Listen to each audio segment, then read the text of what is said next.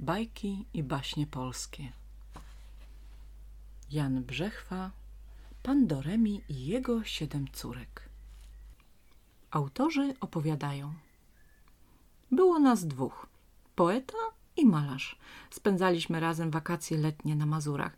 Pracowaliśmy, kąpaliśmy się w jeziorze, łowiliśmy ryby, opalaliśmy się na słońcu. Pewnego dnia jeden z nas powiedział – Wiesz co? Wybierzmy się jutro do lasu, ale bardzo wczesnym rankiem, skoro świt. Zobaczymy tam mnóstwo przeróżnych dziwów, podpatrzymy pracę mrówek, życie zwierzątek leśnych, posłuchamy śpiewu ptaków i odgłosów budzącego się życia.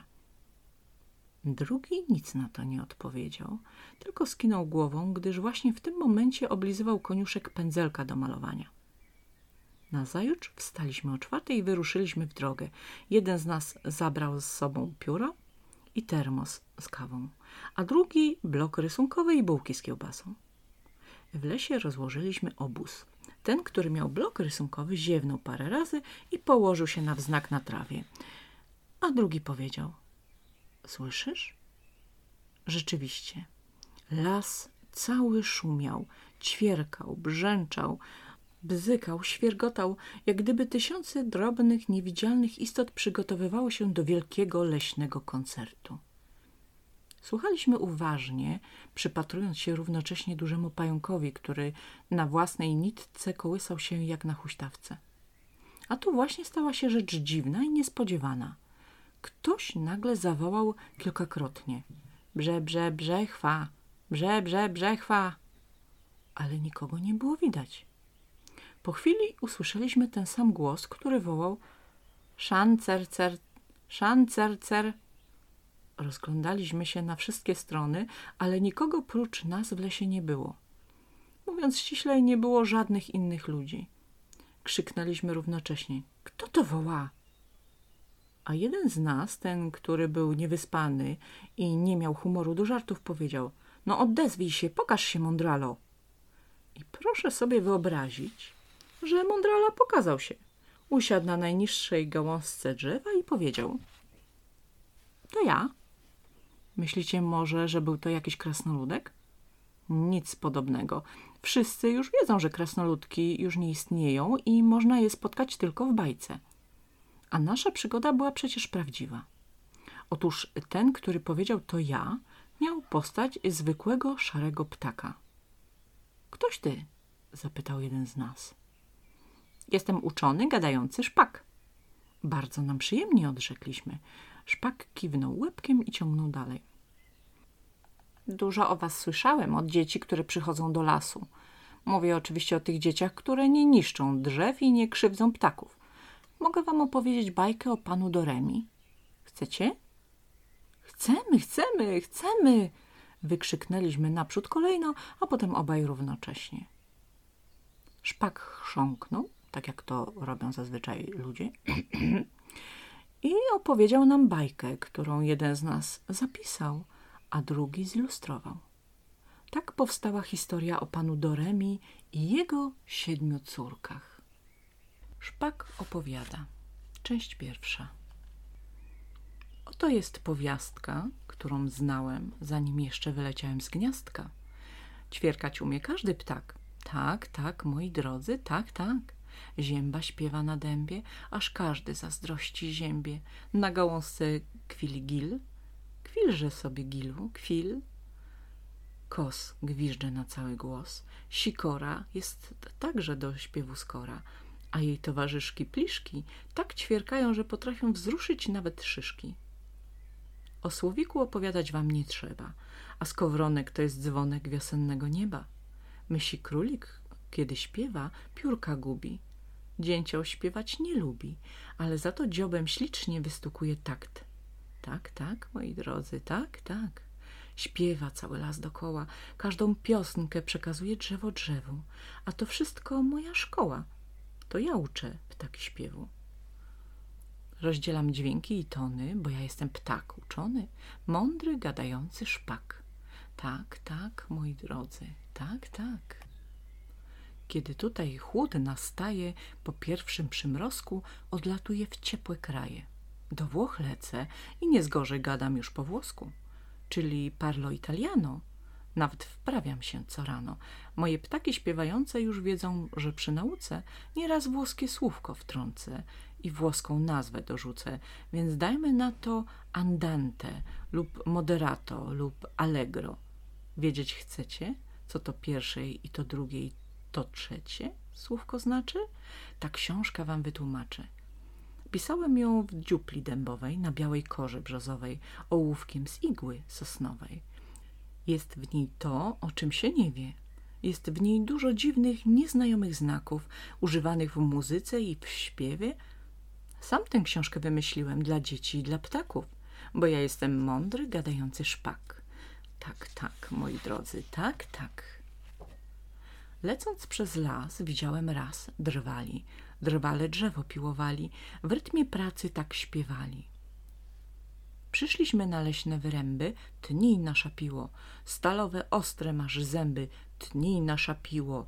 Posuwaj się wolno do przodu, a potem z powrotem tnij nasza piło, żeby się drzewo zwaliło. Tnij nasza piło. Ach, co to tak, kto to tak pędzi przez gaj? Patataj, patataj, patataj, patataj. To jedzie myśliwy na łowy nad ranem, cwałuje na swoim koniku bułanym, już wpadł do Dąbrowy i gra jego róg. I kopyt rozlega się tentent i stuk. Już zbliża się, pędzi i minął już nas i w rytmie tententu zagłębił się w las. Pojedziemy na łów, na łów, towarzyszu mój, pojedziemy na łowy, do zielonej Dąbrowy, towarzyszu mój. Gdy róg myśliwski słychać z daleka, każde stworzenie leśne ucieka, każde się stara ukryć gdzie może, w dziupli, na drzewie, w jamie czy w norze. I o swym losie myśli ze smutkiem. Jesz drepce pierwszy, nóżki ma krótkie, więc tempo wolne. Czy go wam nie żal? Niedźwiadek biegnie szybciej od jeża, w biegu ma tempo umiarkowane. Jeż chętnie zrobiłby z nim zamianę. Jeż, lecz nie zając. Ten, gdy ma Pietra, robi w minutę pół kilometra i w szybkim tempie do celu zmierza. Szybciej od misia, szybciej od jeża. Zając wyprzedził zwierzęta tamte. Biegnie allegro, mówiąc po włosku. Miś moderato, a jeż andante. Kroplisty pot mu spływa po nosku, bo igły grzeją w upalne lato. Niedźwiedź przebiera nogami dwiema, wciąż jednakowo, wciąż moderato. A zając śmignął i już go nie ma. Przed myśliwym uciekając chce się ukryć każdy zwierz. Ukrył się więc miś i zając oraz ich przyjaciel jeż. Ocalili się przed zgubą, miś zaśpiewał, zając też. Miś zaśpiewał basem, grubo, a sopranem cienko jeż. Zachwycony ich piosenką, zając śpiewał z nimi wraz. Ani grubo, ani cienko, lecz tenorem, tak w sam raz. Każdy głos brzmi odpowiednio, ale jak, powtórzcie mi? Więc bas grubo, tenor średnio, no a sopran cienko brzmi. Śpiewaj sobie, zajączku lękliwy, nie dogoni ciebie dzisiaj myśliwy, bo gdy jechał przez zieloną Dąbrowę, rączy konik jego zgubił podkowę. Trzeba jechać do kowala. Kowal ogień już rozpala, bucha płomień, dmucha miech. Ech, skrzy żelazo na kowadle, młot się wznosi prostopadle, ręką jeden szybki ruch, buch. Rozległ się brzęk w krąg, aż koń myśliwego się zląkł aż stanął dęba i rży. I znowu młot spada z brzękiem na rozgrzane żelazo miękkie. Raz, dwa, trzy. I już jest gotowa podkowa. Słuchajcie dzieci, słuchajcie ptaki, jest pewien mały instrument taki. Ot, kowadło i młot, a raczej kowadełko i młotek. Łatwo jest na nim zagrać w laskotek na płotek. Nazywa się cymbałki. Popatrzcie, są to blachy nierówne kawałki. Każdy z nich, gdy uderzyć, wyda inny dźwięk. Brzdęk, brzdąk, brzdąk, brzdęk. Pachnie i szumi polski lipiec. Ponad równiną mazowiecką słychać z oddali dźwięki skrzypiec. Patrzcie, gra chłopczyk. prawie dziecko. To syn Kowala, mały Franek, na skrzypcach gra przez cały ranek. Cztery struny napięte na pudle z drewna. Każda struna jest inna i każda śpiewna, a kiedy smyczek po nich leciutko sunie, skrzypce grają i melodia brzmi w każdej strunie. W tym zespole jeszcze inne brzmią instrumenty, a wszystkie smyczkowe. Żaden z nich nie jest dęty. Grają skrzypce i kontrabas i wiolonczela, rżnie od ucha z bujnickiego góralska kapela. Grajże, basie, kontrabasie, grajcie skrzypce ile da się, bo tu mamy widok rzadki. Wyszły z lasu dwa niedźwiadki. Na polance z wielką wprawą z bujnickiego tańczą żwawo. Nastroszyły sierść kudłatą, tańczą w tempie moderato. Tańczą w takcie raz i dwa, i raz i dwa, i raz i dwa, i aż do nocy taniec trwa. Gra kujawiaka orkiestra dęta. W trąby wpuzone dmie jak najęta. Grają na rynku dzielni strażacy. Młodzież tańczy po pracy. Orkiestrę dętą słychać aż w lesie. Echo po lesie melodię niesie. Jeże słuchają, myślą, a co to? Tańce? Zatańczą przecież z ochotą. Tempo andante w sam raz dla jeży, więc stają równo, wzrok im się skrzy i kujawiaka tak jak należy – tańczą wolniutko w tempie na trzy. Raz, dwa, trzy, raz, dwa, trzy. A krakowiak? To szybkiego tańca jest odmiana. Krakowiaka gra siarczyście kapela mieszana. Pod Krakowem wiosną zielenią się łączki, żółte kwiaty rosną i tańczą zajączki. Mają dzisiaj za nic kapuściane liście, bo krakowski taniec tańczą zamaszyście. Wokoło, wokoło, para parę mija, ale legro, wesoło, krakowiaczek cija. W czasach, kiedy głód panował pod chłopską strzechą, chłopu jeno pieśń ludowa była pociechą. Unosiły się jej dźwięki nad każdą chatą, po wsiach snuły się piosenki, jak babie lato. Kujawianki je śpiewały i krakowianki w barwnych strojach wyglądały jak wycinanki. A płynęła pieśń z niedoli polskiego ludu, z tej niedoli, która boli, z troski i trudu. Z potu chłopa, co dla pana orzej sieje, smutna, rzewna, zbuntowana, niosła nadzieję. Chopin pieśni gminnej słuchał, zbierał jej tony i tchnią w nią własnego ducha, muzyk natchniony. Na klawiszach jak na sercach kładł białe palce i płynęły spod nich z herca ronda i walce. Mazurkami ludzkim smutką drogę wskazywał, polonezem jak pobudką do walki wzywał. Życie sztuką swą upiększył, piękno odnowił i geniuszu dar największy oddał ludowi.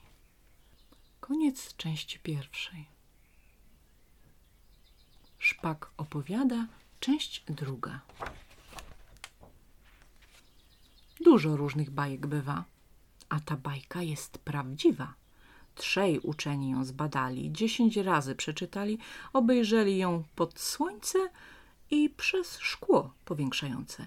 A gdy byli już zmęczeni, przyszli inni, trzej uczeni, pracowali za nich dalej i czytali i badali, rozmyślali trzy tygodnie i orzekli wszyscy zgodnie, że choć dużo bajek bywa, ta z pewnością jest prawdziwa. Złotym piórem w Wielkiej Księdze zapisali ją czym prędzej, ozdobili po mistrzowsku, przyłożyli pieczęć z wosku i złożyli tom gotowy w Bibliotece Narodowej. W bajce prawda jest ukryta, a kto chce, ten bajkę czyta. Życie bez piosenki, cóż to za życie? Chyba wszyscy piosenki lubicie. Śpiewacie je w szkole i poza szkołą, z piosenką dobrze jest i wesoło. Starsi także śpiewają, nie tylko dziatwa, żołnierzowi z pieśnią droga jest łatwa, robotnicy śpiewają przy pracy i harcerze, i junacy, i ptak siedzący na gałązce drzewa. Nawet żaba, kiedy kumka, myśli, że śpiewa. Siedziały raz dzieci w ogródku i szlochały przez dzień cały po cichutku. Śpiewać nie umiały, co to są piosenki, nie wiedziały, a do tego jak na złość gier i zabaw miały dość. Nie chciały się bawić w jaworowych ludzi. Berek już dawno je znudził. Sprzykrzyła im się gra w koziołka, w ciuciu babkę i w piłkę do dołka. W Robinsona Crusoe z piętaszkiem, w zielone i w drobną kaszkę, w chowanego i w ptaszek lata. Gier tych miały dzieci dość, na długie lata. Śpiew na pewno wesołości by im dodał, ale śpiewać nie umiały. Jaka szkoda. Siedziały więc dzieci w ogródku. Rozglądały się dokoła pełne smutku. Nagle słyszą dźwięk nieznany. A to grają fortepiany i z przestworzy pieśń do lata jakby głos z innego świata. W górze dzwoni, gra i dźwięczy, patrzą dzieci, prosto stęczy, niby obłok po wyżynie, na powietrzny statek płynie. Na nim szereg strun rozpiętych. Śmigła brzmią jak instrumenty, w słońcu srebrzą się klawisze i kotwica się kołysze w kształcie liry. Płyną tony, grają trąbki i puzony, kwilą skrzypce, dźwięczą flety i fagoty i klarnety. Statek mknie jak mewa chyża, już się zniża przybliża, płynie zwinnie i nie znika i wciąż piękniej brzmi muzyka. Zasłuchane widzą dzieci, że ten statek do nich leci i okrąża już ulicę i zarzuca swą kotwicę. Oto statek napowietrzny przybił do ziemi i wysiada z niego szybko sam pan Doremi, a w ślad za nim siedem dziewcząt różnego wzrostu, siedem jego ukochanych córek, po prostu. Pan Doremi to niezwykła postać na świecie. O nim dzieci właśnie z tej bajki się dowiecie. Wynalazł on wszystkie nuty, dźwięki i tony. Wie on jeszcze więcej nawet niż szpak uczony. Różne pieśni i piosenki przywiózł wam dzieci. Gdy się śpiewać nauczycie, smutek odleci. Powitajcie grzecznie gościa, usiądźcie w rzędzie i słuchajcie. Pan Doremi uczyć was będzie. Koniec części drugiej.